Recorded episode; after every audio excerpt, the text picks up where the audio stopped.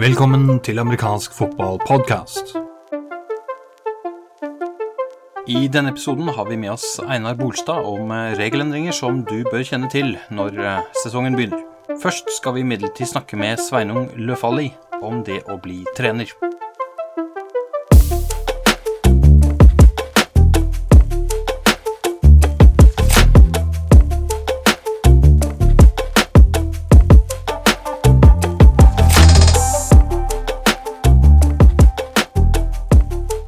Jeg sitter her med Sveinung. Og Sveinung, kan ikke du si etternavnet ditt? For det har jeg pleid å bomme på før når jeg prøver å si det. Uh, det uttales Løfalli. En Ja. stum D inni der. Løfaldli. Og uh, du har skrevet en artikkelserie på amfotball.com som uh, heter uh, første, andre og tredje skriv til den ferske treneren. Riktig? Det er korrekt. Jeg vet jo ikke helt om det kommer til å bli flere skriv etter hvert. Foreløpig er det kun planlagt tre. Og det er jo, det er jo en artikkelserie som er mynta på, på den helt ferske treneren. Jeg har uh, sett for meg en spiller som skal over på trenersida, men jeg har også forsøkt å krydre artiklene med tips som også mer erfarne trenere kan nyte godt av. Ja, kan, kan ikke vi ta litt utgangspunkt der? Fordi du har jo selv vært involvert i en årrekke nå i, i norsk-amerikansk fotball. Hvor begynte det, hvor er, hvor er du fra måte, i amerikansk fotballsammenheng, og hva er bakgrunnen for at du valgte dette temaet? En introduksjon til amerikansk fotball eh, er jo, eh, var jo i utgangspunktet gjennom PlayStation. Eh, Og det var nyttig nok, eh, for jeg dro senere på utveksling. Eh, Og da kunne jeg hoppe inn på laget, og, og jeg forsto reglene, for jeg hadde jo spilt her på PlayStation. Eh, Sånn at eh, da jeg var ferdig som utvekslingselev, kom jeg hjem til Norge, var på et par eh, Dragons-treninger. Eh, Men jeg dro inn i Forsvaret og flytta deretter opp til Tromsø, hvor jeg oppdaga at eh, det var et par, eh, et par typer som hadde forsøkt å starte opp et lag, men da jeg fikk tak i dem, så hadde det ramla sammen. Så jeg var der eh, for å plukke opp trådene av, eh, av det forsøket som tidligere hadde vært på å starte opp et lag. eh, Og ble da en av noen få som, som starta opp det som da var Tromsø Trailblazers, og som senere ble TSI Trailblazers. For å ha det klart, Når du sa Dragon, så mener du altså juniorlaget i, Trondheim, er det riktig? Det er korrekt. Så, så du kom fra Trondheim opp til Tromsø, var med å starte opp der. Hvor langt, er vi, hvor langt tilbake i tid er vi da? Eh, Da starta vi opp eh, Jeg vil tro vi starta opp høsten 2011, så det begynner jo å bli ganske lenge siden. Vi holdt jo gående inn, eh, inntil eh, for et par år tilbake. Eh, Vi skal sikkert inn på denne reisen til Tromsø Trailbases på et uh, senere tidspunkt også. Men hvis du kan si noen eh, ord om, om eh, du, du kom inn der og var aktiv der. Gikk rett inn i en Ja, det var jo sikkert mange trenere der allerede, eller hvordan var det? Hvilken rolle tok du? Jeg ble jo trener der, og jeg tror, eh, eh, jeg tror kanskje det hadde mest å gjøre med at jeg visste mest om hva det her handla om, uten at jeg visste så veldig mye. Og så er det jo sånn eh, i livet for øvrig med oss som, trener at jo mer du forstår, desto mer forstår du at du ikke forstår. Og jeg forsto ikke all verden. Men jeg er jo selvlært, og det har vært en, en forholdsvis lang reise. Og um, det har jo helt enkelt vært mangel på mentorer. Det har jo vært ulempen med å eh, være veldig isolert i amerikansk fotballsammenheng, som det vi har vært i Tromsø. At det ikke har vært eh, noen andre lag i nærheten. Etter hvert så, vi jo så oppdaga vi jo mennesker i byen som, eh, som hadde kunnskap og tilknytning til eh, amerikansk fotball, men, eh, eh, men de menneskene kom, kom senere inn i bildet. Og eh, du beskriver at du er selvlært, eh, men selvlært vil jo ikke si at du har funnet opp sporten. Eh, Nå skriver du i artikkelserien din en god del om, nettopp det med det å være fersk trener, og hvor man kan finne ressurser. Da tenker jeg, da har du kanskje brukt litt av den bakgrunnen din. Kan ikke du fortelle litt om knytningen her mellom, mellom din reise og den artikkelserien du har skrevet? Ja, helt klart. Jeg har jo, i, mangel på med, med mentorer, eller mulige mentorer i nærheten av meg, så har jeg jo egentlig først og fremst søkt mot internett. Uh, så jo, jeg har jo tatt del i flere trenernettverk, om du vil, og jobba litt aktivt for å tilegne meg kunnskap uh, gjennom, gjennom mer erfarne trenere, primært i USA. Og så har det jo etter hvert blitt veldig god tilgang på informasjon, helt gratis. Mye av det er tilgjengelig på plattformer som Twitter og YouTube. Og jeg tenker at uh, det er et veldig godt sted å starte uh, dersom, uh, dersom litt mer ferske trenere ønsker å tilegne seg ny kunnskap om sporten, enten det er taktisk eller teknisk. Det er et drøyt tiår siden du begynte med trenervirksomheten. den kilden som du beskriver nå, med internett og forskjellige kanaler der, hva tenker du om utviklingen som har vært der? Jeg tenker at det først og fremst har blitt langt flere tilbydere. Det var også god informasjon å finne i 2011, men det var ikke i nærheten av like lett tilgjengelig, og det var ikke så mange som tilbud. Men jeg vil hevde at kvaliteten Eh, på det som har blitt tilbudt, i alle fall av, eh, av det som jeg fant og det jeg har benytta meg av, i grunnen alltid har vært god. Eh, det har vært trenere som har vært ivrige på deler av sin kunnskap. Og så er jo amerikanere heldigvis sånn at eller amerikanske trenere innenfor amerikansk fotball er jo av en sånn natur at hver, hver gang noen oppnår en form for suksess, så har de skrevet en bok eller laga en instruksjonsvideo om det.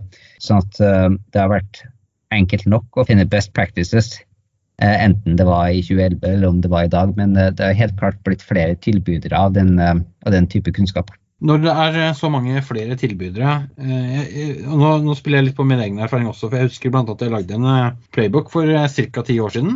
Hvor jeg faktisk advarte spillerne mot enkelte av kildene, og spesifikt hvilke, som ligger på, på nett. Fordi det er litt sånn blanda drops.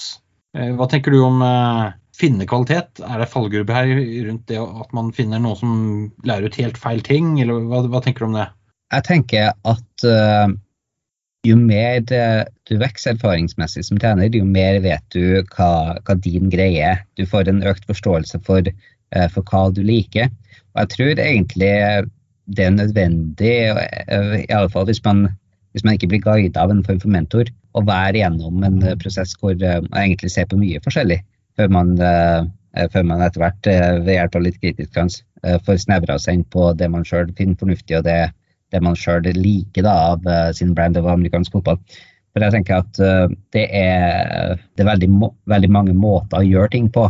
Og det er ikke nødvendigvis et riktig svar, enten det er teknisk eller taktisk. Men de siste årene, og kanskje, kanskje ganske stor utvikling siden 2012-2013, Eh, så har det jo blitt lagt mer vekt på sikkerhetsaspektet ved amerikansk fotball.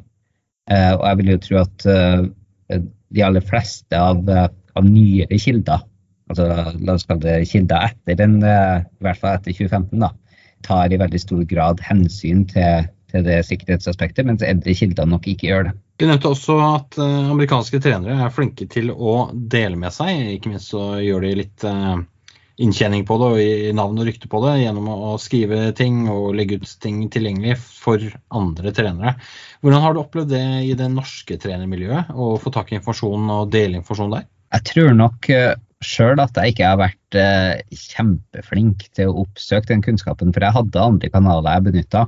Men eh, det har hendt at jeg har ringt trenere og etterspurt kunnskap om et eller annet. Eh, og da har jeg jo stort sett, i hvert fall etter eh, litt eh, graving, fått, fått, gode svar på det. Så jeg opplever jo at trenere i Norge er høyst villige til å hjelpe hverandre og høyst villige til å lære av hverandre. men jeg har jo også forsøkt å tatt del i noen, noen Facebook-grupper som skulle prøve å få trenere til å dele med hverandre og lære av hverandre. og det var altså rett og slett tungrodd. Opplever du at det, det er, er, det, er, det, media eller den type kanal, eller er det, det miljøet? Jeg tror kanskje at veldig mange er interessert i å lære. Men det er noe med det å føle at man har kunnskap til å stikke seg fram og si her er jeg, og jeg har noe eh, som andre også veldig gjerne kunne lært av. Eh, og det, det, tror jeg kanskje er en, en, del av den norske kulturen vi mangler litt. Eh, vi har litt å gå på der. For, eh, for når man er kunnskapsrik, og det er annet man gjør godt eh, så hadde det stort sett egentlig en hel del andre vært tjent med å få anledning til å lære av det. Ja, Dette er et spennende tema, fordi det handler jo også om å skape det miljøet i det hele tatt. Det vil si at om man ikke er, ledd, ikke, er så redd for å miste ansikt, så er det ikke så farlig å dumme seg ut heller. sånn at Å vise hvilket kunnskapsnivå man har, og eventuelt da ikke har, det bør man kanskje ikke være så redd for. Eh, i, i, den verden som du ønsker, eh, høres det ut som. For det, det, betyr at det blir, det blir, mer deling, og dermed så blir det mer dialog og et trenerfellesskap ut av det. Eh, Sveinung, du bidrar jo med denne artikkelen serien til oss selv og del av din kunnskap. Eh, har du fått tilbakemeldinger på artikkelserien så langt? Jeg har fått uh, noen få tilbakemeldinger. Jeg har jo uh, utelukkende fått positive tilbakemeldinger. Det er jo tilbakemeldinger på at, uh, på at det er interessant. men det jeg håper vil, vil komme i bakkant av det her, er jo, er jo, nettopp at flere får lyst til å dele av sin kunnskap på det viset. og helst gjøre det lettest mulig tilgjengelig. Jeg kunne godt ha tenkt meg at, at kurs som forbundet holder, kan med fordel legges ut i sin helhet på YouTube etterpå. Tilgjengelig for absolutt alle. Jeg, jeg skjønner ikke hvordan, eh, hvordan, det finnes noe som helst form for behov for at det skal være statshemmeligheter. Nei, det bør ikke være statshemmeligheter. Og, og, bare for å legge til på det du nevner rundt det å dele med seg, så er amfotball.com en åpen kanal som kan benyttes sånn som eh, du Sveinung benytter den. Dvs. Si med å skrive egne artikler og få de eh, publisert. Hva, hva, tenker du om den muligheten? Er det kurant? Har, det, har du opplevd det som greit og lett tilgjengelig, eller hvordan er det? Jeg opplever det som veldig lett tilgjengelig. Uh, nå har jo jeg skrevet litt om fotball uh, tidligere, mm. og det gjør nok også det gjør det nok enda mer tilgjengelig. Det var jo også et ønske fra min side å, å, å plukke opp den tråden igjen. Jeg har jo i, i kraft av å ikke lenger være student med altfor mye fritid, fått begrensa tid sjøl. Så jeg må, jo, jeg, må jo, skrive og dele av min kunnskap primært når jeg har tid. Men, eh, men, at eh, anledningen finnes, eh, det setter jeg pris på. Og det er nok noe jeg kommer til å fortsette å benytte meg av. Det høres veldig bra ut, Sveinung. En ting som jeg vet at du nevnte i den siste artikkelen din, av de tre da, i den artikkelserien, som vi for øvrig helt sikkert kommer til å såkalt republisere noen ganger, fordi den er eh, litt tidløs. Den eh, kan eh, leses igjen og igjen av nye trenere i årene som kommer. Men en av de tingene du nevnte, er at folk gjerne kan ta kontakt direkte med deg. Hva, hva tenkte du på da? Oh ja, nei, jeg tenker egentlig at hva enn folk lurer på, enten det er hvordan organisere en trening, hvordan ta imot ferske spillere, er du nysgjerrig på å starte opp et eget lag? Jeg er stort sett interessert i å snakke ball eh, innenfor de fleste arenaer. Eh, sånn at eh, jeg er høyst mottakelig som samtalepartner. Og ønsker å bidra til å utvikle trenere, enten man er fersk trener eller at en mer erfaren trener som, som ønsker å spare litt ideer. Og som du også nevner i den artikkelen, så har du et unikt navn, så det skal ikke være umulig å finne deg verken eh, her eller eh, i andre kanaler, altså dvs. Si Facebook eller hvor det skulle vært. Eh, og i tillegg, Sveinung, så får vi altså sannsynligvis lese mer av dine gode tanker i løpet av tiden som kommer på amfotball.com. Sveinung, tusen takk for at du var med oss denne gangen. Jo, sjøl takk. Reglene er i stadig endring, og la oss høre hva Einar Bolstad har å fortelle om regelendringer den gang.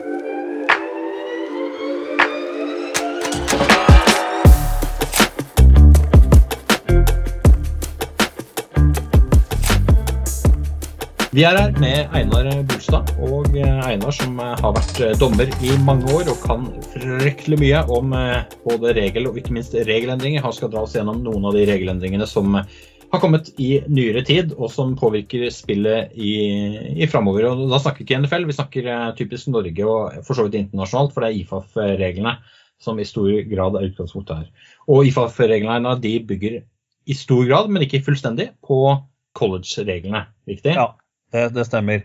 Du kan si at når college endrer en regel, så blir den automatisk tatt opp til vurdering neste år for IFAF.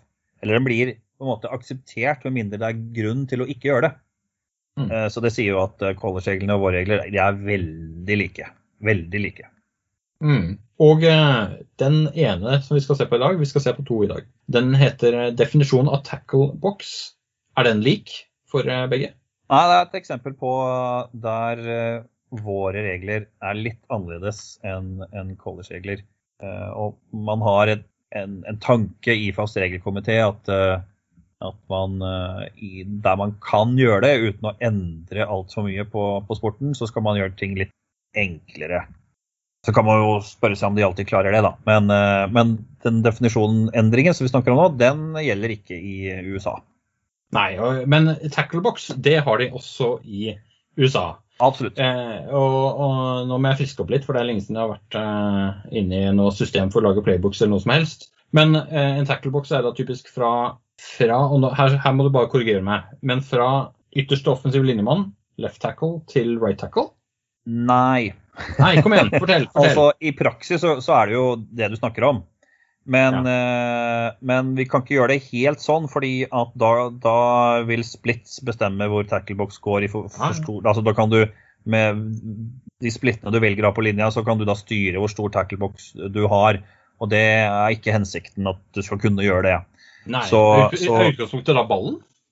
Så det, er- det er eh, Du har Du sentrerer tackleboksen Mm. på, på midterste linjespiller. Det vil jo Mm. som regel være snapper, altså han som vi gjerne kaller for senter. Der er sentrum av tackleboksen, og så går den fem yards til eh, ene sidelinja, mot ene sidelinja, fem yards mot andre sidelinja, altså til venstre og høyre. Og da, lag, da får du en sånn rektangel som eh, avgrenses av, eh, av det. Og det området som der da ytterkantene er de her fem yards til venstre og fem yards til høyre, de går da, Der lager man en tenkt linje som bare går hele veien bakover i offensive backfield og hele veien til, til sluttlinja, eller endline som det heter. Der har du tackleboksen. Så i en normal formasjon så står jo ikke vi som dommere og skal vi se, 1, 2, 3, 4, 5 yards, ja det går akkurat der. For det, det går ikke. Det er bare ikke mulig. Så stiller du opp i en, en vanlig offensiv formasjon, så, så er det ytre skulder til tackle på én sida til ytre skulder på tackle på den andre, andre sida. Så I Mm. praksis så er, det jo, så er det jo sånn. Ja. Så det er Og, tackleboksen. og den er grei, for det, eh, og da snakker vi liksom eh, ut til sidene. Men ja. dybde, da? En og andre veien. Det går hele veien bakover. Ja. Hele offense backfield helt til, eh, til sluttlinja. Helt til, til, eh, til eh, endline. Men fra line of scrimmage? Fra den scrimmage, ja. Ja. Men den går ikke forover. Nei, nettopp. Der har vi det. OK, den er grei å vite. Og så er det sånn at eh, Nå skal vi ikke grave i alle unntakene, eller unntakene. Nå tenker jeg formasjonen med en gang. ikke sant? For jeg tenker en situasjon hvor du har eh, senter står alene, ikke sant? Så, har du, eh, så har du resten av offensiv linje er eh, eh, 80 yards til venstre for han eh, i en formasjon, og så er det long snap eh, bak til QB, og så kaster han ballen bak til de andre, bla, bla, bla. For du sa midten, du sa midten, ikke sant? Ja, Midterste linjespiller. Yes, midterste linjespiller. Og da er ikke senter midterste linjespiller lenger. ikke sant? Så det, da, da har det flyttet seg hvor tackleboksen er hen. Ja. Eh, det er kanskje et poeng for å, å fange opp at eh, begynner å gjøre sånne type ting, så, så er tacklebox det eksisterer fortsatt, men det eksisterer ikke i samme sted som ballen snappes fra. Ja, og det har noe kan si, Har du et sånt spill, så må du faktisk ta frem regelboka eller spørre en, eh, noen som kan det, eh, om spillet ditt er lovlig. Eh, Mm. Har du ikke noen sånne spill i spillboka di, så trenger du ikke bry deg om denne endringen. At, for det som er endra, for vi snakker om endringer, er Mm. at tidligere så var tackleboksen sentrert på snapper. Alltid snapper. Men nå er det på den midterste linjespiller, som ikke nødvendigvis er snapper, men som er det på ja, opp mot 100% av spillene. Men i de Mm. tilfellene der det ikke lenger er tilfellet, som du Å, det her har jeg, fant jeg på på en restaurant, det har jeg notert meg ned på. Ikke sant? Altså, det skal jeg gjøre, det skal, den tar jeg i morgen. Eh, Da må du faktisk eh, sørge for at, eh, at du sjekker det med reglene. Det har en del med spesielt da hvem kan blokkere lavt, og vi skal ikke gå altfor dypt inn, inn på det. Men da får det en del konsekvenser som blir litt sånn rare. Men om du ikke har noen sånne spill, så er- holder det å vite at tacklebox den går fem yards til venstre og fem yards til høyre for midterste linjespiller, og hele veien bakover. Der har vi tacklebox. Og alt som, alle regler som har med tacklebox å gjøre, snakker om det området der. Ja, så, så i stor grad en liten endring, men det, for de som har vært med litt for lenge i sporten, og enten er offensive koordinatorer eller hovedtrenere og sitter med en eller annen morsomme ting i bakkant, som vi brukte for eh, ja, 20 år siden, så kan det hende at det er greit å ta en avsjekk med dommerne om det før kampstart, eh, hvis man ikke har gjort det før. På om, den, eh, om det spillet faktisk lar seg gjøre uten at det blir eh, flagg bare fordi man prøver på det. Ja, Swinging gate f.eks. Har du det i playbooken din, så, så må du tenke på at, at du blokker Det er, det er så en del blokker som du kanskje tror at du kan gjøre i forskjellige retninger, som du ikke lenger kan gjøre fordi at tackleboksen går ikke der du tror at den går, og tackleboksen bestemmer en del om uh, hvordan man kan blokke. Og eh, Tror man at det er viktig, så får man grave seg litt ned i det. Og så vet jeg ikke om vi skal si så mye mer om, om det. Men ellers så betyr tackleboksen uh, noe for ting som f.eks. det som heter forsettlig bortkasting eller intentional grounding. det kan være lov noen ganger å kaste bort ballen om man løper ut av tackleboksen f.eks. Og da er det det området her vi snakker om. Fem yards til hver side. Og så kan det også være greit å vite at så fort ballen er utafor tackleboksen, da forsvinner tackleboksen. Og de reglene som kanskje sier at dette kan du gjøre kun i tackleboksen, men ikke utafor, det gjelder ikke lenger når ballen har kommet seg ut av tackleboksen. På, på, samme spill. Det vil si at når den har beveget seg ut fra den tackleboksen én gang eh, og kommer tilbake igjen, så er det irrelevant. Da er tackleboksen borte, den dukker ikke opp ja. igjen. Bra. Ja, men da vet vi både bitte litt mer om tacklebox, og ikke minst om at eh, det er en eh, regelendring her som eh, det kan være greit å ha litt tilbakeholdet for de som designer kreative løsninger ja. på banen. La oss hoppe litt til dette med feilaktig avblåsning, som er det neste vi skal se på, Einar. Og det siste i denne podkasten. Feilaktig avblåsning, har det skjedd noen gang? ja, det har jo det. Eh, det, det, på engelsk så kalles det 'inadvertent whistle', som egentlig mm. betyr mm. altså utilsiktet avblåsning. Men det vet jo alle vi som har prestert å gjøre det her, at det er ikke utilsikta. Vi mente å blåse, men uh, så ble det gærent, da. Ja. Og, og, det vi snakker om da, er jo stort sett det at uh, f.eks. at du trodde at noen hadde ballen. Det var en veldig godt utført fake. Og du trodde at han hadde ballen. Han blir taklet. Du blåser, og så skjønner du selvfølgelig 0,1 sekund etter du har blåst at nei, den ballen den er 20 yards lenger bort. Det er en feilaktig avblåsning. Eller at noen øh, faller til bakken, og du tenker at ja, han var nede før han mistet ballen. Da er jo ballen død, da skal jeg blåse. Eller at du ikke så ballen, og så skjønte du etter å ha blåst at ja, øh, han må ha mista den før jeg blåste. Det er jo et klassisk eksempel på feilaktig avblåsning, og det er ikke noe moro for noen. Jeg kan garantere dere at det er ikke så veldig mye artigere for dommeren enn for dem som da eventuelt fikk ødelagt et godt spill. Det er ikke noe, ikke noe gøy. Innenfor dommerverden, det er kanskje ikke så mye som det var, men så kaller vi det her ølfløyte, fordi at om du gjør det, så skylder du alle på dommerlaget en øl. Så ja. Ikke, ikke gjør det. Så, men, men det, er du dommer og sier at du aldri har hatt en feilaktig avblåsning, så er du enten helt fersk eller så lyver du. For det, det skjer en eller annen gang. Mm. Så får man selvfølgelig satse og jobbe hardt, hardt, på med seg selv og sørge for at det skjer så få ganger som mulig. For det er, eh, det er fæle greier. Ja, eh, nå kan ikke dere som lytter på se fjeset til Einar nå, men jeg ser at det ble litt eh, rødere enn det var før vi begynte å snakke om feilaktig avblåsning. Sånn at det her er nok noen personlige erfaringer også opp igjennom. Og som tidligere trener kan jeg vel si at det er kjipt når det skjer, men eh, jeg har alltid tenkt at det er kjipere for han ene som gjør det, enn for eh, de mange som påvirkes, eh, faktisk. Og det tror jeg nok fjeset til Einar også røper.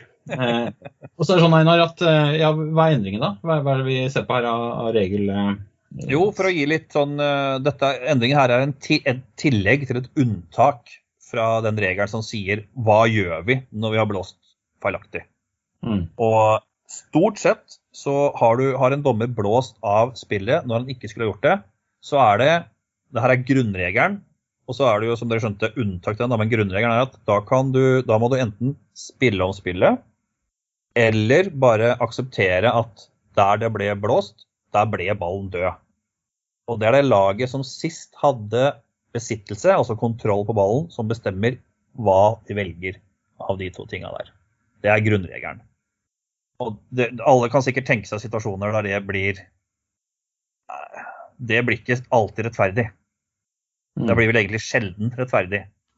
Uh, men uh, regelen er enkel, sånn sett.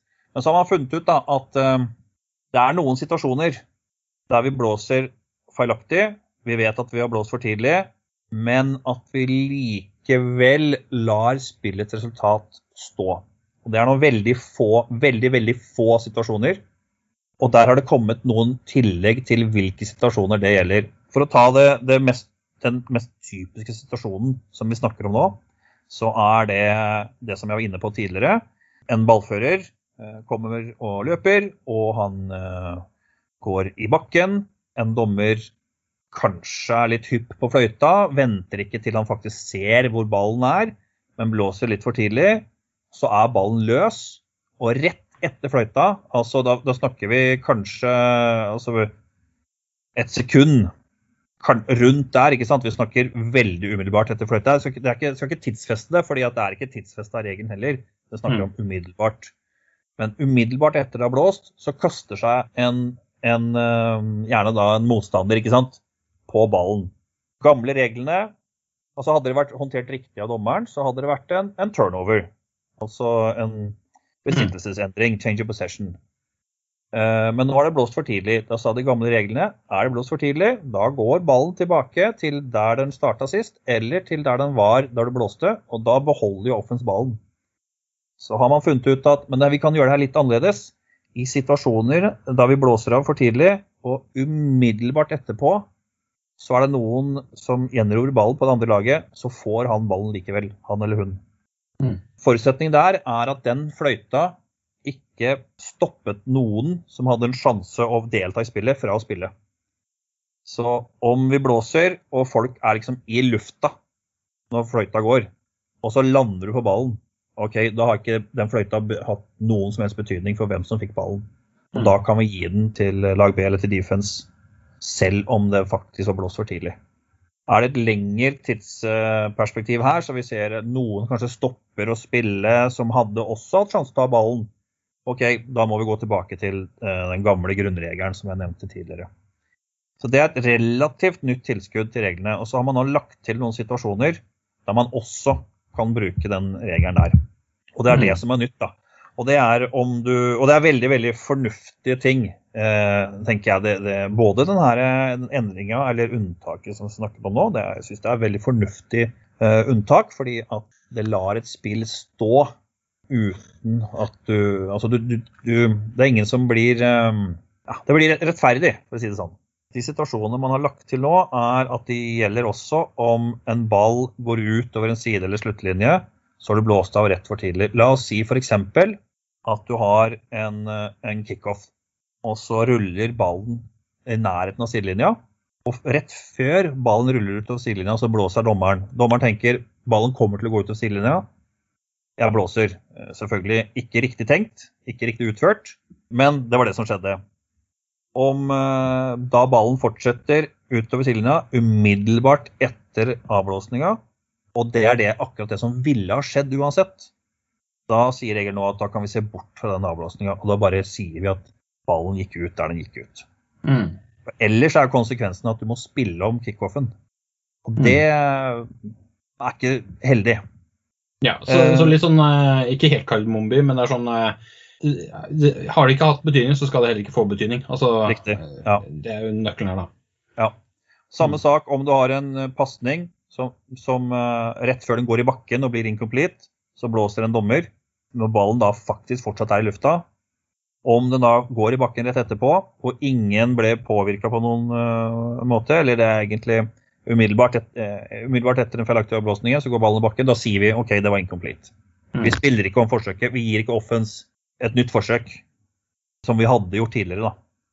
Eller om du har en, uh, et spark som går inn i lag Bs målsone og er f.eks. på vei å treffe bakken for å bli en touchback. Og så blåser du når ballen var en, en, meter over bakken, og så går den i bakken rett etterpå. OK, da blir det touchback, om det var det det ville ha blitt.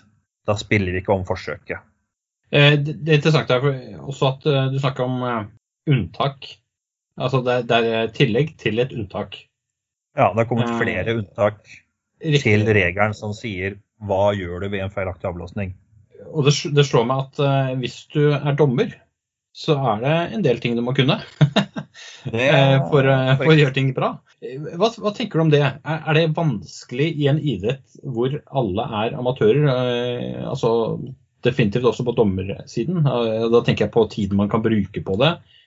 Antall sjanser man får til å repetere. For repetisjon er jo det, kanskje en av de beste læremesterne man kan ha. At man får, ja. man får trent i, i, reelle situasjoner. Hvordan er det som dommer i Norge?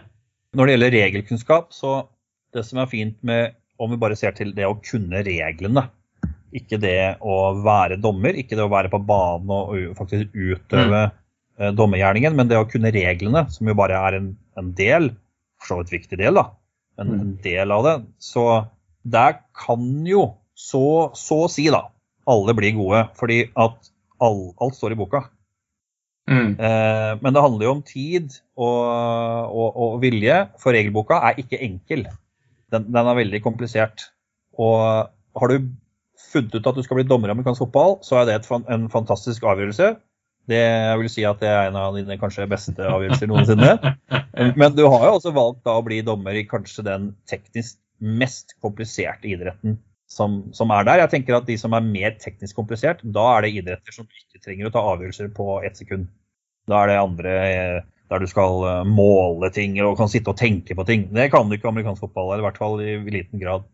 Så, så, du tar jo på deg et, et, et ansvar. Og vi som, som, er dommere, og det er jo greit at alle egentlig skjønner, for det er bare virkeligheten Du kommer aldri å, å være um, Når du er ny dommer, så kommer du aldri å være så god som du egentlig bør være når du er ny dommer. For det er bare ikke mulig. Du må få mulighet til å sette dette, alt det du har lest, inn i en, en, en spillkontekst som krever at du dømmer for å få det til.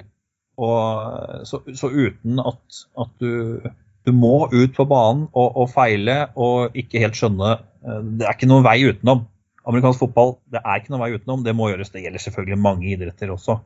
Men det gjelder spesielt de her reglene som, som før du har dømt, kanskje ikke engang kan referere til hva er det, hva er det regelboka prater om. Du har, aldri, du har aldri sett eller tenkt på det før. Du må ut og se det, du må ut og gjøre det. Og det, det det tar litt tid. Jeg vet ikke om det her var et svar i det hele tatt. Det er et veldig godt svar. for det forsvant. Eh. Nei, eh, Einar, hvis du trekker det til det generelle her, så hører jeg at uh, du må tørre å feile for å bli god nok til å mestre. Det er et generelt uh, prinsipp som uh, du beskriver også treffer her som dommer i Norge. Og Det syns jeg er en god avslutning på dette segmentet og denne gangen. Og vi sier tusen takk til deg, Einar, for at du var med oss. Tusen takk.